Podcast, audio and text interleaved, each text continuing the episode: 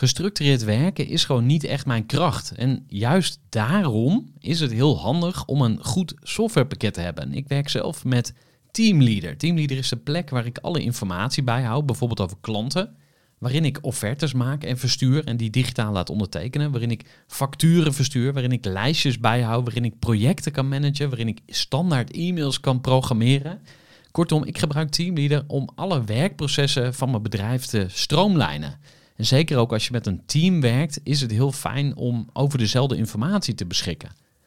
Nou, als je ook benieuwd bent of er mogelijkheden zijn om jouw bedrijf meer te stroomlijnen, of je nu alleen werkt of met een team, ga even naar teamleader.nl slash groeivoer en je kunt dan vandaag nog een trial starten voor twee weken lang, gratis. En je kunt Teamleader volledig uitproberen. En na de proefperiode krijg je ook nog zo'n leuke korting als luisteraar van Groeivoer. Ga naar teamleader.nl slash groeivoer. Gooi voor. Gooi voor. Gooi voor. Zoek je inzicht, inspiratie voor je eigen bedrijf. Wil je elke dag iets leren? Welkom bij de Groeivoer podcast, waar ik in gesprek ga vandaag met Erik Stubé van Allsafe Mini-opslag. We zitten hier in Weesp en Erik heeft nogal een groeireis achter de rug. Hij is al 20 jaar ondernemer, studeerde bedrijfskunde. Heeft ook nog in de VS inspiratie opgedaan, aan Harvard, wel bekend. En eh, hij heeft een zwak voor marketing en branding. Hij was al op jonge leeftijd financieel onafhankelijk dankzij beleggen. En het geld wat hij verdiende, gebruikte hij om weer eh, te gaan ondernemen. Hij heeft er nu een heel mooi imperium opgebouwd. En we gaan vandaag alles eh, horen over het bedrijf. En eh, we gaan proberen de beste groeilessen te oogsten bij Erik Stubé. Van harte welkom Erik. Dankjewel. Voor de kennis en ideeën van een interessante gast. Die zijn verhaal met jou wil delen. En eh, ja, het is vaak in het leven goed om je heen kijken. En of het dat nou in Amerika of Nederland is. eh, je kan vaak op de straat de beste inspiratie opdoen. Ik ben nieuwsgierig van aard. Dus eh, ik ben ook in veel dingen geïnteresseerd. Ik denk dat ik daardoor ook wel iemand ben die allround is. En daarin ook met velen binnen en buiten ook kan meepraten over hun discipline. In ieder geval, eh, ik denk dat ik vrij snel iets van vind. Maar goed, dat is misschien ook soms wel een struikelblok voor een ondernemer. Dus wees ook altijd kritisch naar jezelf, zeg ik dan. Ja, nou meteen al een mooie les te pakken. En we- er gaan er hopelijk nog vele volgen. Voor we in het verhaal van Allsafe duiken, zou ik graag eerst wat meer over jou willen weten. En mijn vaste luisteraars die weten dat, maar ik vraag mijn gasten altijd om eh, iets meer te vertellen over wie ze vroeger waren. Hoe ben je opgegroeid? Wil je ons eens voorstellen aan de kleine Erik? Ja, de kleine Erik, die is opgegroeid in een gezin van, eh, van vier. Mijn vader was arts, eh, mijn moeder was eh, huisvrouw. Was ook wel nodig, want mijn vader die was zeven dagen per week bezig met zijn vak. Na de hockey op zondag gingen we mee naar het ziekenhuis. Werden door verpleegkundigen verwend. En ja, die zei ook, ja, mijn patiënten die zijn niet eh, vijf dagen in de week ziek, die zijn zeven dagen in de week ziek en dan ben ik voor hen. Dus dat was een beetje mijn eh, achtergrond. Ik heb grootvaders eh, die allebei ondernemer waren. De een heeft zijn eigen bedrijf opgezet, de ander was directeur van Electrolux. Dus daar kreeg ik ook een en ander van mee. En ja, goed, ik ben een liefdevol gezin opgegroeid. En dat was in Oesgeest en Leiden. En ja, vervolgens sloeg ik mijn vleugels uit in Rotterdam, waar ik ben gaan studeren. Ja. En eh, is er iets uit je opvoeding, uit je jeugd, wat je ehm, vandaag de dag nog steeds meeneemt in je ondernemerschap? Iets, een les of iets positiefs? En is er misschien iets wat je achter je gelaten hebt? Eh ja, zeker. Ehm, ik ben dyslect en eh, daar heb ik mee geworsteld tijdens mijn jeugd. Mijn vader zei altijd van ja, je hebt mensen die heel makkelijk een eh, telefoonboek uit hun hoofd leren, maar de mensen die ergens voor hebben moeten vechten, die komen verder. Nou ja, goed, je moet voor dingen bereiken vaak toch wel eh, heel veel inzet geven en meer dan gemiddeld om het daadwerkelijk eh, daar te krijgen waar je het wil hebben. Dus dat, ja, enerzijds die dyslexie heb ik meer voor moeten doen. Tegelijkertijd die les van, van nou ja, eh, het komt allemaal niet vanzelf. Hè? De zon gaat op, maar de rest moet je zelf doen. En hoe meer je zelf doet, hoe verder je ook kan komen. Dus het ligt in je eigen handen. En de wereld om je heen zal je niet eh, veranderen, maar jezelf kan je wel veranderen. Ja. Gaan we naar het verhaal van uh, Allsafe. Wil je ons eens meenemen naar de eerste stapjes? Weet je nog hoe de eerste werkdag was? Hoe zag Allsafe er toen uit? Nou, je vraagt ten twee verschillende dingen. De eerste stapjes uh, was eigenlijk dat ik bij ABN AMRO een afdeling aan het opzetten was die wereldwijd belegde in goedmaatschappijen. ABN AMRO had nog geen vastgoedfonds, dus ik dacht, hey, daar ligt een mogelijkheid markt. Nou, dat heb ik ook moeten bevechten binnen die bank. Want Rijkman Groening die, uh, had het idee, die zat toen in de raad van bestuur, dat hij commissaris wilde worden bij een uh, vastgoedfonds, de toenmalige Corio geheten. En uh, vond dat beter geschikt als een huisfonds voor de bank. Nou, ik dacht daar anders over. En nou goed, met, met je, ondernemen binnen de bank. Onder andere, ik had al een prospectus voordat ik toestemming had om dit product te lanceren. Dus een van de baasjes boven me, die zei tegen zijn ondergeschikte van Stubé heeft nog geen toestemming, maar die heeft al alleen maar, uh, of die heeft al een prospectus en jullie lopen alleen maar te ouwe hoeren. Want hij was boos dat het niet opschoot met allerlei producten. En uh, nou ja, dat betekende wel dat mensen wat uh, voorzichtig waren met het product wat ik neer had gelegd. Nou, langzamerhand heb ik de diverse lagen kunnen overtuigen binnen de bank. Tot de raad aan bestuur. En op een vrijdag was Rijkman Groening niet aanwezig. En toen hebben de andere leden het er doorheen geduwd. Dus ik kon toen beginnen. En uh, nou, een businessplan 100 miljoen na één jaar en 300 miljoen na drie jaar. Na een jaar had ik een miljard, waren we een grote speler. En dat was voor alle duidelijkheid het bedrag wat dan belegd werd of uh, geïnvesteerd in vastgoed? Dat was het bedrag inderdaad wat uh, belegd uh, werd voor derden in vastgoedfondsen, verhandelbare vastgoedfondsen. En nu maak ik een stap naar zelfstorage. Een van die vastgoedfondsen was Sugarard. Die was toen nog beursgenoteerd in Amerika. Die kwam op een secondary, dus dat is geld ophalen terwijl je al beursgenoteerd uh, bent. Kwamen ze naar Europa en daar uh, sprak ik met de CEO, Chuck Sarbo. En uh, ik dacht, hé, hey, is interessant verhaal. Vastgoed koop je en je verkoopt convenience, gemak product. En dat pakte mij. vervolgens ging ik met mijn moeder, mijn pasgeboren zoon en mijn vrouw naar Curaçao een, een duik bevet halen. Maar dat, toen ben ik gaan rekenen en gaan uitzoeken. En, en wat was die markt? Uh, en ik had al van diverse brokers, diverse partijen gesproken over het fenomeen zelfstorage. Wat wij toen ook helemaal nog niet in Nederland kenden. Je had het wat in Engeland. En dat pakte me en ik dacht, hé, hey, daar moet markt in Nederland zijn. Dus hè, op Curaçao zal ik de Nederlandse markt onderzoeken. Wat hebben we? Hoe doen mensen het nu op dat manier? Ja, en daar begon het uh, fenomeen. Uh, ik moet iets kunnen doen met zelfstorage. Ik was ook wel wel klaar met de bureaucratie en het politieke spel binnen zo'n groot corporate. Dus uh, ja, ik had het inderdaad goed belegd. Dus ik heb dat geld wat ik daarmee verdiend heb, heb ik toen in de waagschaal gegooid en ben voor mezelf begonnen. En toen die eerste werkdag, wat was je setup, zeg maar? Waar ben je mee begonnen? Ja, de eerste werkdag, die was eigenlijk al op Curaçao toen ik dat mm -hmm. uh, in mijn vrije tijd zat uh, uit te zoeken, uh, te berekenen. Ik had nog 30 vakantiedagen over, dus 1 augustus was mijn officiële echte onafhankelijkheidsdag, om het zo maar te noemen, dat ik op eigen benen stond. Maar in die maand daarvoor ben ik een week op vakantie gegaan en gewoon alles gaan uitzoeken. En mijn eerste werkdag was verzamelen van informatie op alle vlakken. Hè. Dus ik ben bedrijfskundige. Dus ik had het ook opgedeeld naar operatie, naar marketing, naar finance.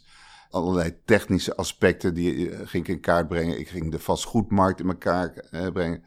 ik ging vervolgens zoeken naar concepten in Amerika, hoe ze deden. Ik ging me inschrijven voor een conferentie, een self-storage conferentie met een, een, een hele um, markt erbij.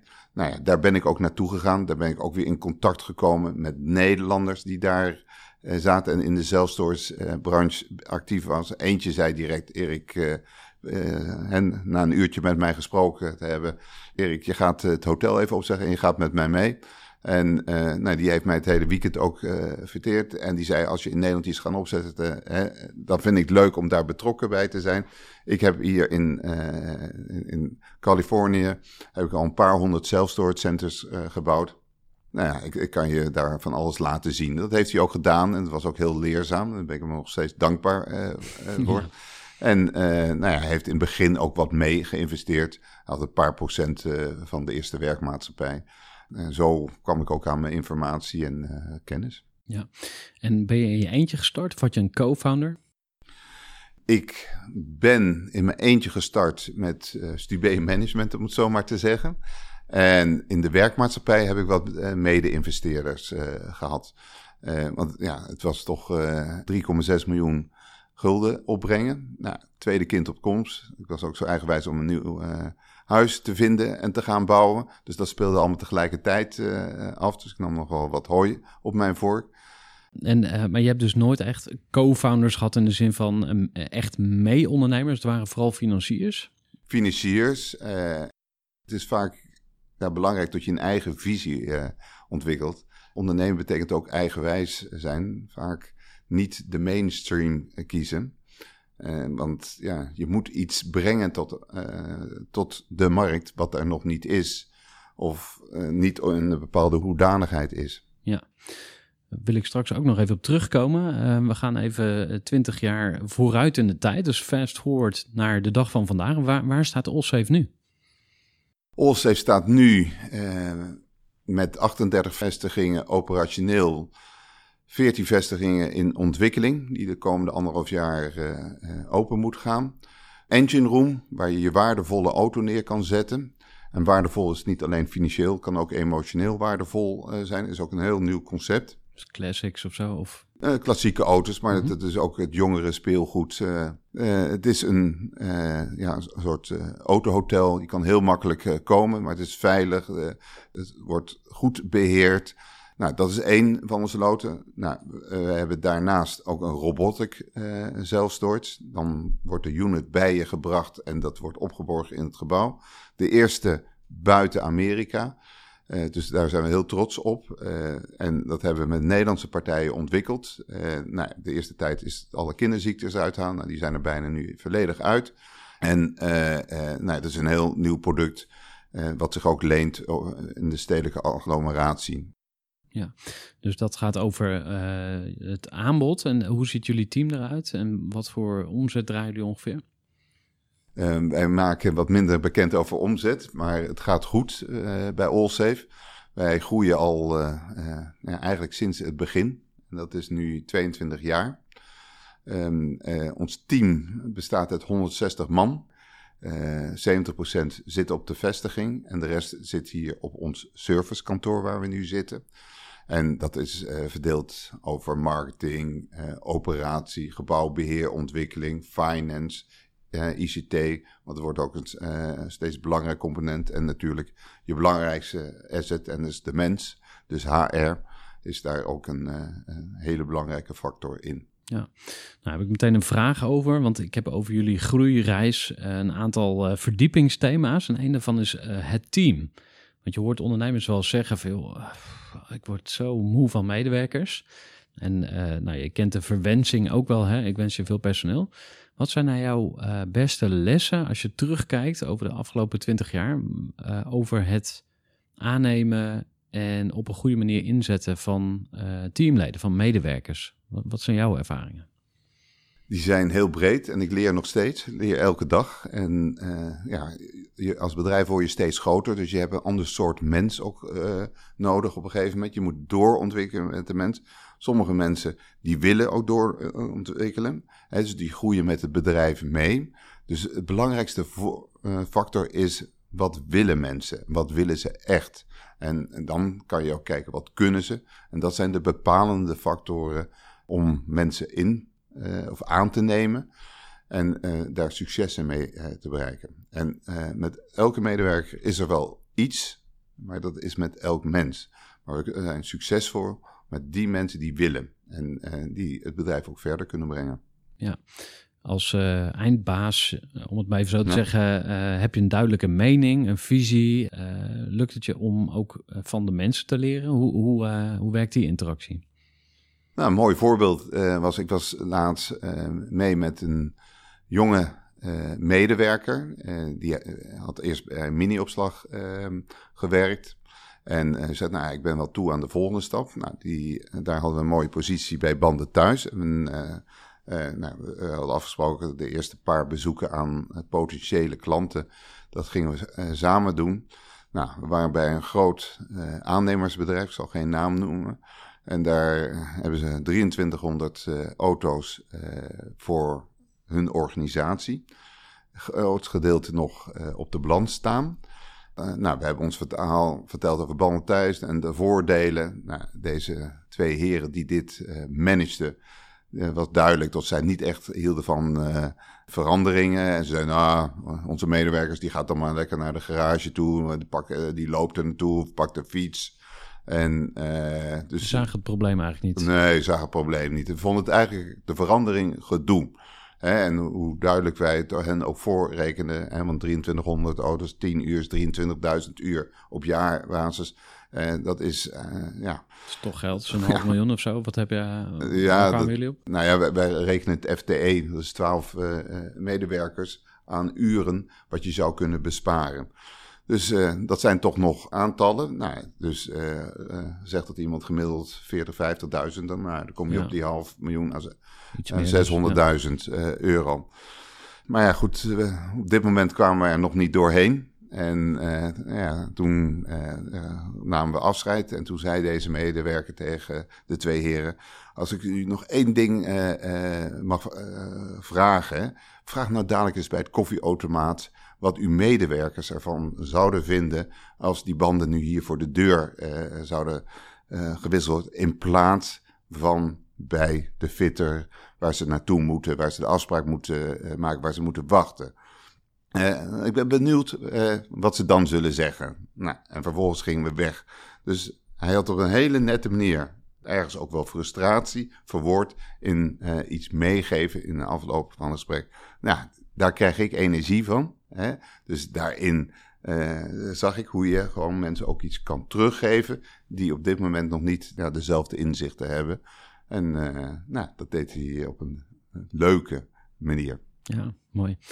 Even een korte onderbreking met een belangrijke vraag aan jou. Want wat heb jij geregeld voor het geval je van de ene op de andere dag zou komen uit te vallen?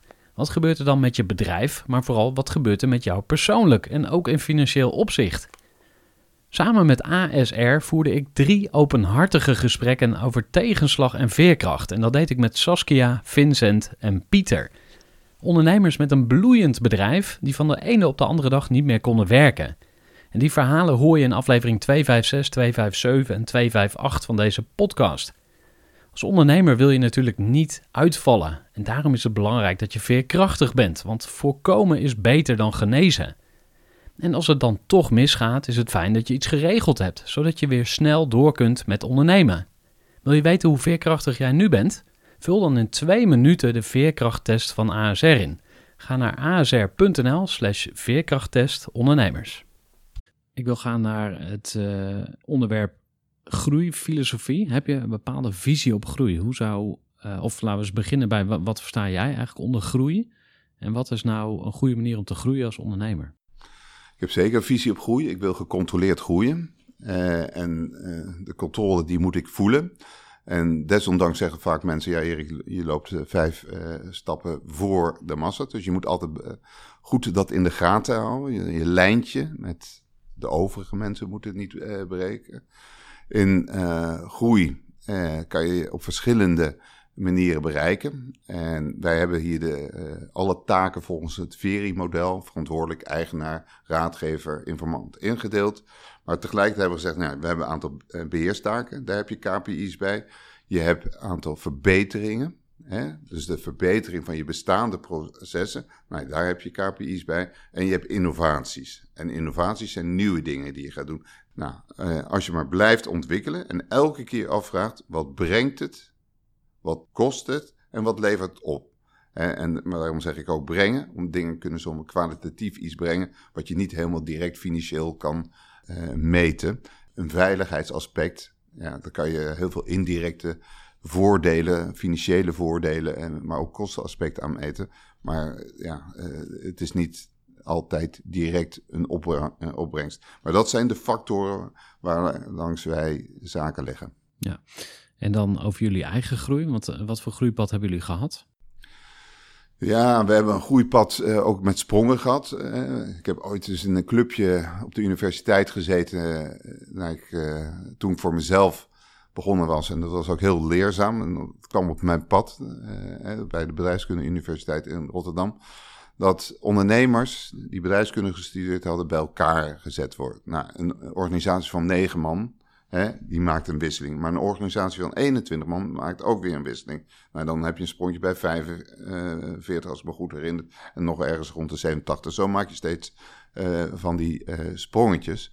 En dat zijn de groeipaden die wij ook doorlopen hebben. Hè, want uh, ja, zes, zeven jaar geleden hadden we 13 vestigingen, nu hebben we 38. En, en we waren al een stuk verder geweest als de corona niet was voorgevallen. Dus ik heb op een gegeven moment mijn MT Plus heb ik een case voorgelegd. Dat was een case over sugar die op Harvard werd behandeld. En in deze case kwamen heel veel facetten. Nou, vervolgens heb ik aan mijn MT Plus gevraagd... Nou, als jullie nou een keuze hebben uit deze volgende drie scenario's... A, 54 eh, vestigingen in de komende zes jaar, of 70 of 100. Welke ga je kiezen? Maar bedenk ook wat het betekent voor je afdeling en wat er moet veranderen. Hè? Want dat zijn veranderingen. Dus je bent bezig met verandermanagement. En het kan niet zo zijn hè, dat je nu zegt wat je uh, uh, dadelijk nodig hebt. Nee, je moet die weg beschrijven. Dus waar ga ik groeien? Wanneer neem ik welke personen aan? Welke taken ga ik opdelen en wat heb ik daarvoor nodig? Nou, daar is een stramien uit voortgekomen. Daar zaten we heel mooi op die weg. We waren op een gegeven moment acht vestigingen in een jaar aan het openen. Toen kwam de corona. Dus, uh, en toen vielen we terug door alle beperkingen. Uh, maar we zijn nu, hebben dat weer, pad weer opgepakt. En door punten op de horizon te zetten, en dat is in al die fases, heb je moet andere punten. En hoe groter je wordt, hoe simpel eigenlijk je punten op de horizon moet zetten. Want ja, het moet gedragen worden. Nou, dus ik heb op een gegeven moment gezegd, van die 70 vestigingen gaan we bereiken. Hebben we natuurlijk heel veel allerlei subdoelen. Maar dit is een hele belangrijke, die ik heel erg terugzie in de organisatie. En uh, nou goed, uh, wij maken natuurlijk ook ons jaarplannen, maar we zeggen ook, uh, ja, jaarplan is een beetje de, van de 20e eeuw. En wij hebben dynamische plannen. Wij hebben een to-do-board waar iedereen, want iedereen binnen dit bedrijf kan ondernemen. Als hij een idee heeft, dan moet hij iets vinden of hij signaleert iets, maar hij moet het ook analyseren. En als dat ingewikkeld is, helpen we bij. En vervolgens komt de conclusie en dan pas actie. Wat je in veel organisaties ziet, men vindt wat en schiet meteen in de actie. Nou, wij maken wel de analyse en trachten de kosten en baten goed in kaart te brengen. En nou, dat komt bij het to-do-board. En dan gaan we een week en wegen welke prioriteiten we aan hangen. En uh, ja, hoe we dat gaan verwezenlijken en wat opgeschoven moet worden of niet opgeschoven. Of welke mensen we nodig hebben, intern, extern. En uh, ja, dat is het voordeel dat je een markt hebt nu waar veel mensen voor zichzelf werken. Je hebt heel veel ZZP'ers, dus die zijn ook makkelijker in te zetten, waardoor je de volgende uh, groeispurts weer kan maken. Ja. En zijn er al spin-offs geweest? Dus echt ondernemer of medewerkers die uit het bedrijf gestapt zijn, als het ware hun eigen business begonnen zijn? Want het doet me denken aan, aan het verhaal van Carlo Bagijn van uh, Brinkbank. Ik weet niet of je hem kent, ja. maar die heb ik gesproken. En die zei, uh, als mensen bij Brand New Day, dat is een andere bedrijf waar die nu uh, mee bezig is. Als die een business idee hebben, dan uh, mogen ze dat pitchen. En als het een goed idee is, dan ga ik mee investeren. Dan ga ik ze ook helpen. Maar wat ik je eerder hoorde zeggen is van, je hebt allerlei loten hè, aan, de, aan de stam. En die hou je eigenlijk dan toch wat meer bij je of zo? Of hoe? Nou, verleden... Waar ligt de grens van ondernemendheid ja. stimuleren? Nou, in het verleden heb ik ook wel loten gehad uh, die niet direct pasten bij uh, Allsafe mini-opslag. Maar daar heb ik afscheid van genomen. Heb je um, daar een voorbeeld van? Uh, Apartel. Veel mensen die voor een week in Amsterdam moeten zijn, die hebben liever iets meer ruimte en iets minder service zoals je in een hotel hebt. Nou, het service aspect is de duurste component in het hotelwezen. en dus je kon mensen makkelijk meer ruimte bieden. en en nee, daar, dat hadden we opgezet. Nou ja, goed, dat um, werd gemanaged door iemand anders. En uh, ik merkte dat ik daar niet de volle aandacht aan kon geven en dat over moet laten aan iemand anders. Ja, en uh, ik merkte ook wel dat die meer uh, zijn kwaliteit in het operationele hadden dan in de visie en het najagen van de volgende stappen. Dus ik heb op een gegeven moment afscheid genomen en dan een paar jaar later heeft hij het ook verkocht. En dus dat is in iets anders opgegaan. Je vroeg ook verder van, van heeft dit al geleid tot spin-off? Nou, alles wat we oppakken, pakken we binnen het bedrijf op. Het heeft nog niet geleid naar een zakken over heel iets anders. Wat we zeggen, nou ja, dit past niet binnen AllSafe. maar dat is misschien wel een goed idee. En ga het maar je businessplan maken en dan maken we uh, eventueel daar een, losstaand iets van. Het zijn wel ondernemers die mij benaderen. En uh, nou ja, vanochtend heb ik nog gezeten met iemand die voedselbos wil realiseren. En uh, nou, die begeleid ik en daar wil ik ook in investeren, omdat dat vind ik wel een heel mooi in, een fenomeen. Voedselbos? Voedselbos is een bos in combinatie met voedsel. Het woord zegt het al. Dus um, wij laten het eten steeds verder van ons uh, bord komen. Ja, als je kijkt. uit Egypte. Precies. Dat soort dingen. Ja, nou, dat is niet duurzaam. we zijn met monoculturen ook de aardbodem aan het uitnutten. Dus ook niet goed. En als jij van een hectare verschillende voedsels kan krijgen, dan is het beter voor de aardbodem. Daarnaast, ja, we kunnen een groot gedeelte van het CO2-probleem ook oplossen door van de 4,8 miljard hectare aan akkerbouw, dan wel veeteeltgronden, daarvan ongeveer 30 procent, 1, iets minder zelfs, 1,3 miljard hectare, daar bos van maken. Want bos hè, brengt de temperatuur omlaag. Een bos heb je altijd meer vocht, eh, wolvorming. En ja, wij maken de aarde heel vlak met al onze uh, vlakke landbouwgronden en uh, veeteeltgronden. Nou, daar weerkaatst de uh, warmte veel meer en dat blijft dan ook binnen de dampkring. Nou, met wolkvorming en, en vochtvorming uh, ga je dat te lijf. Nou, de combinatie van dat je voedsel dichter bij de leefomgeving laat produceren is een ander duurzaam effect. En nee, goed, deze jonge ondernemer ja, die begeleid ik en daar investeer ik ook, omdat ik vind dat iets moois. En nou ik ben ook op die leeftijd dat ik het ook leuk vind om uh, weer dingen terug te geven en anderen te helpen naar hun successen. Ja, maar zie je daar echt een business in? Want als een, een, een, man die, hè, ik zie Allsafe, dat is heel erg totaal iets anders dan, dan een voedselbos. Het klinkt bijna meer als een, ja, als een hobby of een stichting of een goed doel, uh, die categorie. Maar jij ziet er ook echt business in? Nou, zo vlieg ik het met hem aan, omdat dan weet ik dat het uh, volume kan krijgen en dat we echt iets wezenlijks ermee kan uh, betekenen. Hij is redelijk deskundig, hè, maar door ik het bedrijfskundig benader, zie ik steeds nieuwe mogelijkheden van allemaal vraagstukken die er leven. En uh, die kan ik dan daarin uh, brengen, invullen, maar ook hoe je het moet aanvliegen. En uh, de IR's, hè, internal rate of return, die berekenen ook. Want dan heb je iets uh, wat inderdaad kan stijgen boven het hobbyisme, het doen om goed te willen zijn. Nee, ik wil hier iets duurzaams aan maken. Niet alleen in de duurzaamheid voor onze aardbol, maar ook in de tijd duurzaam. Dat het echt op zichzelf kan staan. Ja. Uh, nog even over jullie groeipad. Want eh, ik las ook dat jullie veel groeigeld opgehaald hebben. Ik heb eigenlijk drie vragen in één. Dat groeigeld, hoeveel risico neem je daarmee?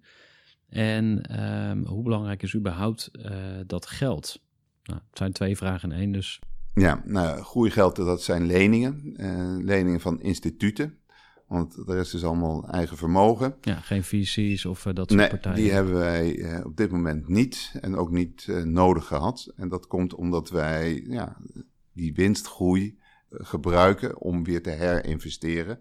En ja, in vermogen eh, stijgen we, hè, vermogenswaarde stijgen we ook fors. Nou, dat Dan betekent heb je leverage. dat wij steeds kunnen blijven leverage. Hè. We zijn op dit moment eh, ja, eh, onder de 25% met vreemd vermogen eh, gefinancierd. En hoeveel hebben jullie opgehaald? Want alles is op internet te lezen. Dus, eh, nou, niet alles, oh, niet alles. Eh, ik heb 70 miljoen eh, gelezen ja, in een periode nou, van twee jaar of zo. Of- ja, het is ondertussen al meer dan dubbele. Ja, want zo'n nieuwe vestiging opzetten, Ja. dat kost eh, dan heel veel geld. Dat kost aardig geld. Dat, eh, het, is, eh, ja, het is investeringsintensief. Een nieuwe vestiging, ja, dan ben je ergens tussen de 5 à 8 miljoen eh, kwijt. Ehm, heb je dan ook veel weerstand van mensen die zeggen... ik wil niet zo'n blokkendoos in mijn achtertuin? Ja, we hebben op vele terreinen weer, eh, weerstand. Wij nemen dan ook vaak eh, overheden, eh, mensen die werkzaam zijn bij de overheden mee. Want wij vervullen een functie waardoor een stad beter en effectiever, efficiënter kan functioneren. Doordat mensen minder leefruimte nodig hebben. Hè, want wat is op dit moment eh, aan de gang? Mensen willen meer in de steden wonen. Jongeren omdat daar de dynamiek is. Ouderen omdat daar de zorg is. Eenlingen omdat ze zich daar eh, eh, minder eenzaam voelen. Nou, de eenlingen, dat is een segment die heel sterk groeit. Die moeten van één portemonnee een ruimte betalen. Wat gebeurt er nu? De leefruimtes worden steeds kleiner. Nou, dus wij willen iedereen een woning eh, bieden. Op dit moment is een tekort eh, aan woningen eh, van 250.000 in totaal.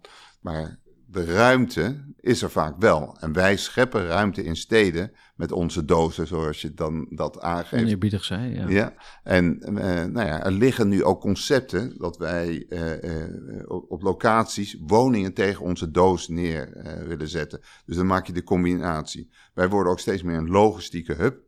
En tegelijkertijd, bij veel woningen is ruimte is, die niet gebruikt wordt. Nou, door ons concept kunnen woningen kleiner worden en gaan mensen ook efficiënter eh, ruimte gebruiken. Op het moment dat zij voor hun spullen niet meer opslagruimte nodig hebben, dan, eh, dan nemen ze daar afscheid. En die ruimte wordt dan weer ingezet voor de volgende die eh, een behoefte heeft. Maar we zien tegelijkertijd, we worden ook steeds meer een way of living met alle services eromheen. We willen ook een afleveradres eh, worden. We hebben al een postbus eh, mogelijkheid. Je kan er zelfs al vestigen bij eh, ons.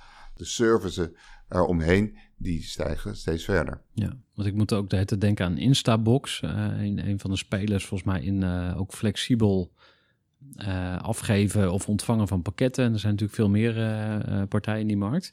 Zie je het voor je dat jullie echt een compleet ander bedrijf worden?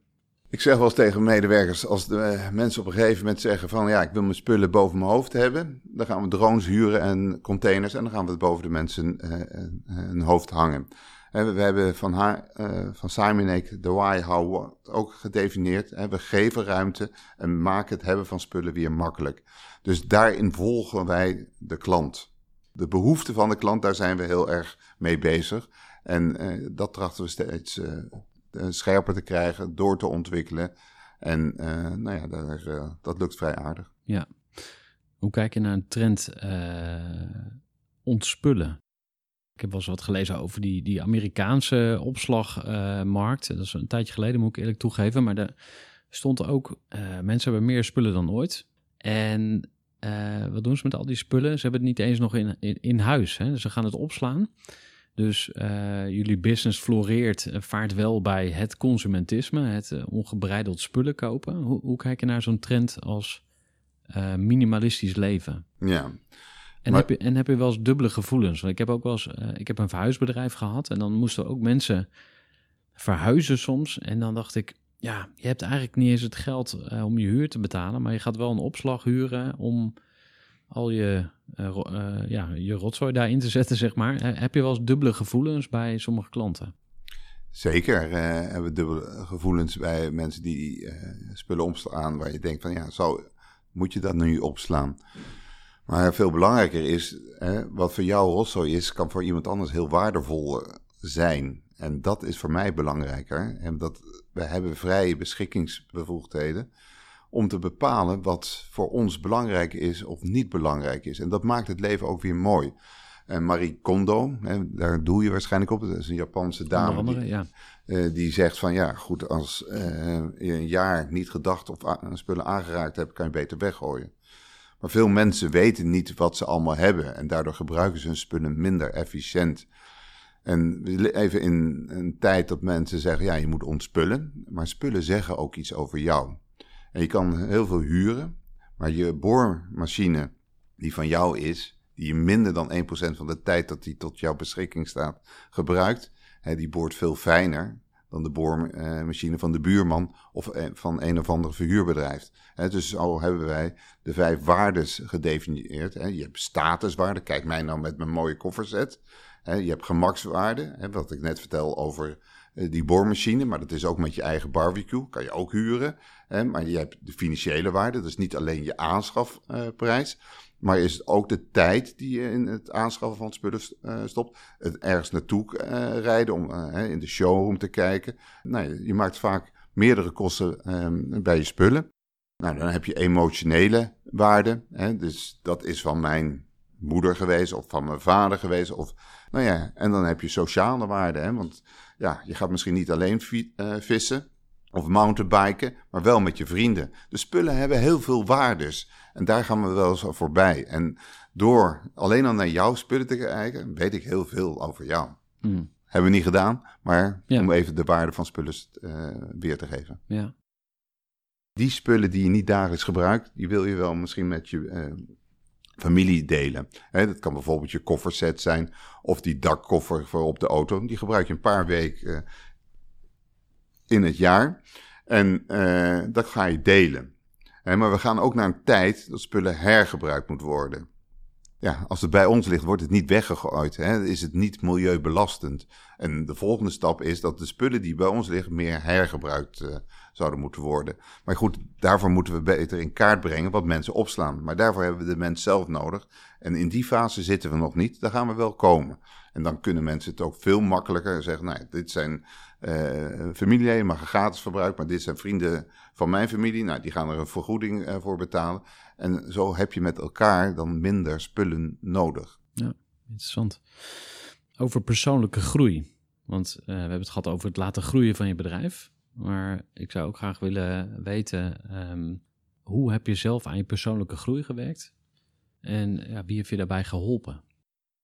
Dat zijn heel veel mensen. Ehm, wij hebben persoonlijke ontwikkelingsgesprekken. Eh, er zijn er 13 kwaliteiten hebben we benoemd. En daar geeft de medewerker zichzelf een cijfer van eh 1 tot 5. En eh, dat doet de leidinggevende ook. En dan hebben ze gesprek op en ook krijg je de hulpvraag van je medewerker. Hè, die geeft aan, nou, deze drie punten wil ik de komende zes maanden ontwikkelen. En daarin zie je dat functioneringsgesprekken anders worden, want we zijn samen een partij, een team, die elkaar verder willen eh, brengen. En dat laat ik ook medewerkers bij mij doen. Hè? En dat is altijd, oeh, hè, dan moet ik nu iets vinden van, eh, Straks krijgen we... eh, van de baas. Oh, dan krijg ik daar geen dom. Dat doe ik vaak dan niet één, maar dan vraag ik twee of drie. En nou ja, sommigen zijn daar wat moediger in dan de anderen. Nou, daarnaast eh, gebruik ik, maak ik ook gebruik van mensen die durven eh, reflectie te geven. En ik doe diverse trainingen. Eh, ik ben van ondernemersclubs. Nou, het mooie is, die denken vooruit. Nou, dat geeft ook energie. Wat, wat zijn clubs waar je dan lid van bent? Ik ben lid van FCN, Founders Carbon Network en Business Leaders. En eh, nou ja, goed, dat zijn clubs waar je tracht ook de gelijkgestemden te vinden. En binnen een van die clubs heb ik ook een groepje opgezet waar wat meer de ondernemende mensen. En daar eh, leggen we ook thema's elkaar voor en bespreken dat. En eh, ja, daarmee trachten wij dat elkaar te verrijken met ervaring en kennis in, ja, een wereld waar je toch ergens op een, een puntje van een berg staat. Klinkt alsof je de groeiclub voor ondernemers beschrijft. Dat is mijn eh eh businessclub, zou je het kunnen noemen. Eigenlijk een soort eh, intervisiegroep voor ondernemers. Eh, dus daar, daar leer je dingen. En eh, ik ben nog even benieuwd, een stapje terug naar die, eh, die review van jouw eh, competenties. Want waar, waar scoor je dan consequent heel hoog op? En, en waar haal je ene? Ehm, waar ik hoog score, ehm, Ik heb wel eens een, uh, DNA-leiderschapstest gedaan. En ik kreeg mee vanuit dat ik heel consistent en consequent ben. En uit andere testen blijkt ook dat ik goed met complexe zaken om kan gaan. ik ben een generalist. En tegelijkertijd kan ik ook redelijk goed de diepte ingaan. Dus ik ben redelijk allround. Um, waar uh, schiet ik tekort dat ik te snel wil en wel eens daaraan uh, voorbij gaan aan uh, mogelijkheden of behoeftes van anderen. Ja, wat is nou een skill waarvan je denkt dat eigenlijk elke ondernemer daaraan zou moeten werken? Ja, dat is moeilijk te zeggen, elke ondernemer. Want je hebt succesvolle ondernemers en je hebt minder succesvolle ondernemers. Als je ondernemer wil worden, uh, weet duidelijk wat je wil. Weet duidelijk ook wat je kan en wat je niet kan. En blijf je ontwikkelen in die dingen die je niet kan. Maar zorg dat je uh, ook niet uh, de gemakzucht gaat opzoeken om het bij derden neer te leggen. Zorg dat je van alle facetten die bij bedrijfsvoering belangrijk zijn, iets afweet. Want ik zie vele ondernemers en ik zie ze ook op een gegeven moment vastlopen omdat ze bepaalde elementen van het bedrijfskundig proces van ondernemen niet vatten, niet uh, uh, begrijpen. Ja, en dan ga je vastlopen. En dat kan je opvangen door iemand anders te vinden die dat goed kan. En dan kan je een partnership aangaan, waardoor je het op die manier oplost. Maar zorg dat de competenties die bij ondernemen horen, dus het hele bedrijfskundige aspect, goed gedekt zijn in je organisatie bij mensen die willen. Niet, niet mensen die een baan gewoon uitvoeren, maar die willen uh, vooruit gaan en willen bouwen. Ja, en um, als je dan uh, dat concreet zou mogen maken in een training of een cursus, is er iets waarvan, want daar refereerde je ook even aan, is er, is er eentje die eruit springt waarvan je zegt, hé, hey, dat ik zou niet direct een, een training en cursus uh, uh, weten. Dat is toch ja, weer je eigen zelfreflectie en uh, op zoek gaan naar die dingen die je niet weet. En ik ga ook wel eens naar een conferentie en, en nou, dan ben ik al blij als ik die dag één ding heb geleerd wat een eye-opener voor me is. tegelijkertijd, je kan genoeg opleiding, cursus doen, maar dan ga je vanuit dat die andere partij weet wat jij nodig hebt.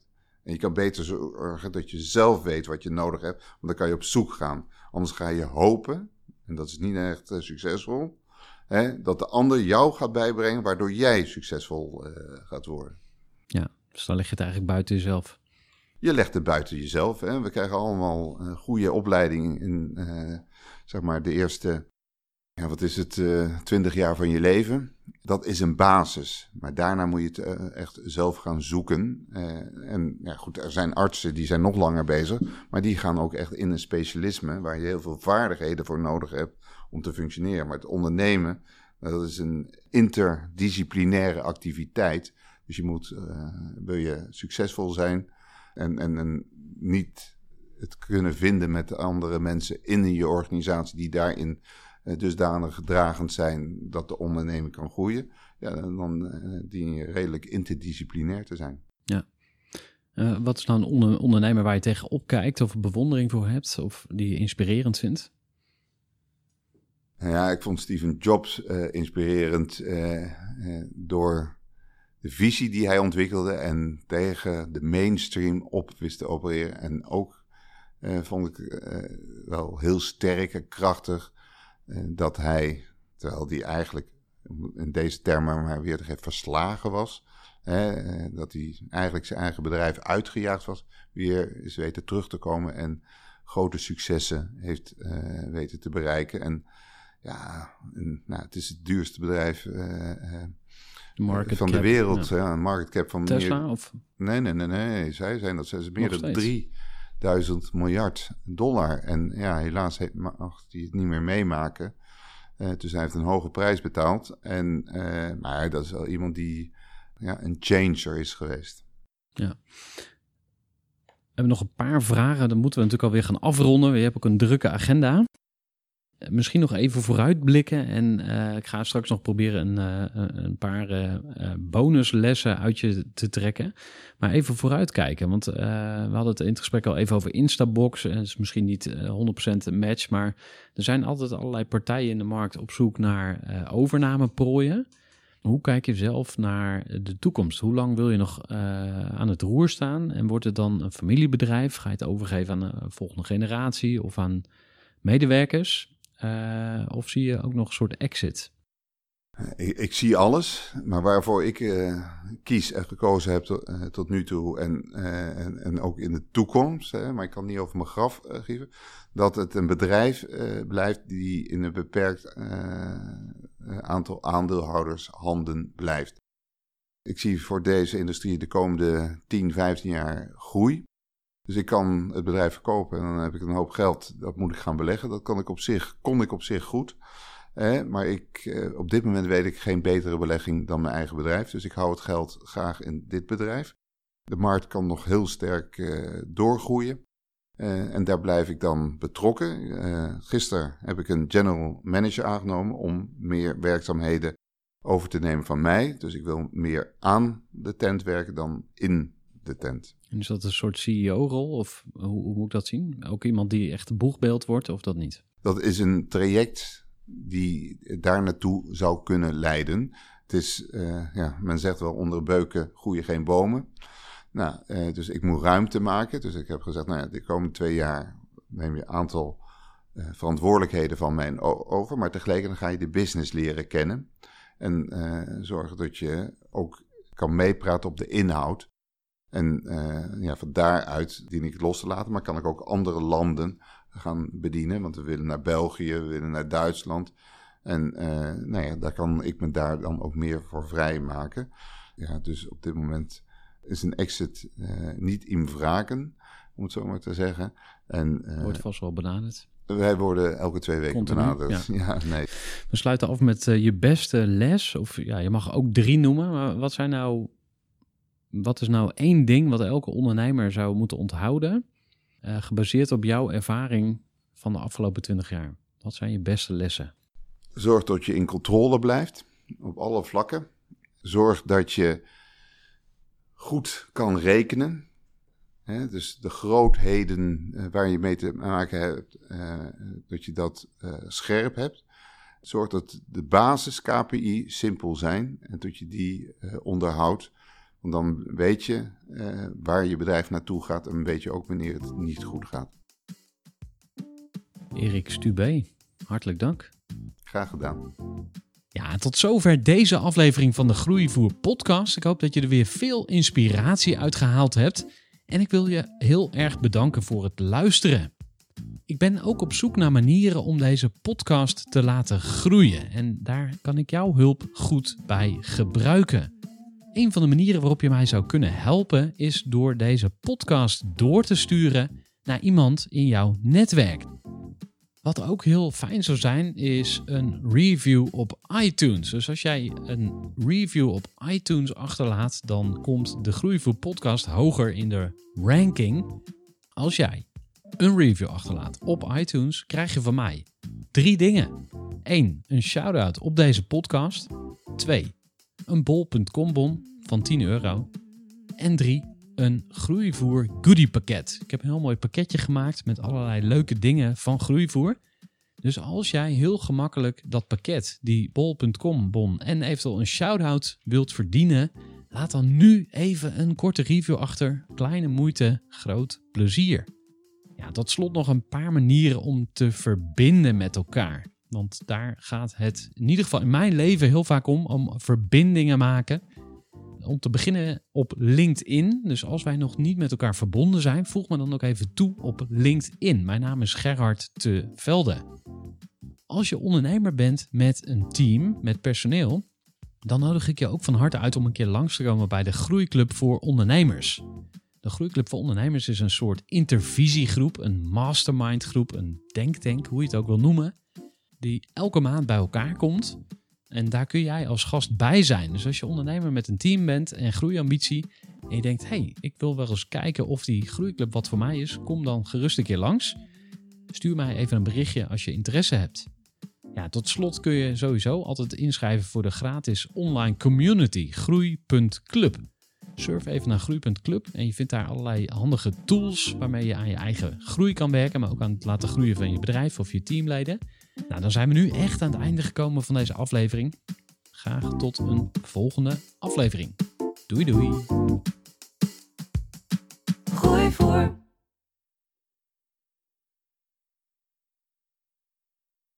Gestructureerd werken is gewoon niet echt mijn kracht. En juist daarom is het heel handig om een goed softwarepakket te hebben. Ik werk zelf met Teamleader. Teamleader is de plek waar ik alle informatie bijhoud, bijvoorbeeld over klanten. Waarin ik offertes maak en verstuur en die digitaal laat ondertekenen. Waarin ik facturen verstuur, waarin ik lijstjes bijhoud, waarin ik projecten kan managen, waarin ik standaard e-mails kan programmeren. Kortom, ik gebruik Teamleader om alle werkprocessen van mijn bedrijf te stroomlijnen. En zeker ook als je met een team werkt, is het heel fijn om over dezelfde informatie te beschikken. Nou, als je ook benieuwd bent of er mogelijkheden zijn om jouw bedrijf meer te stroomlijnen, of je nu alleen werkt of met een team, ga even naar teamleader.nl slash groeivoer en je kunt dan vandaag nog een trial starten voor twee weken lang, gratis. En je kunt Teamleader volledig uitproberen. En na de proefperiode krijg je ook nog zo'n leuke korting als luisteraar van Groeivoer. Ga naar teamleader.nl slash groeivoer.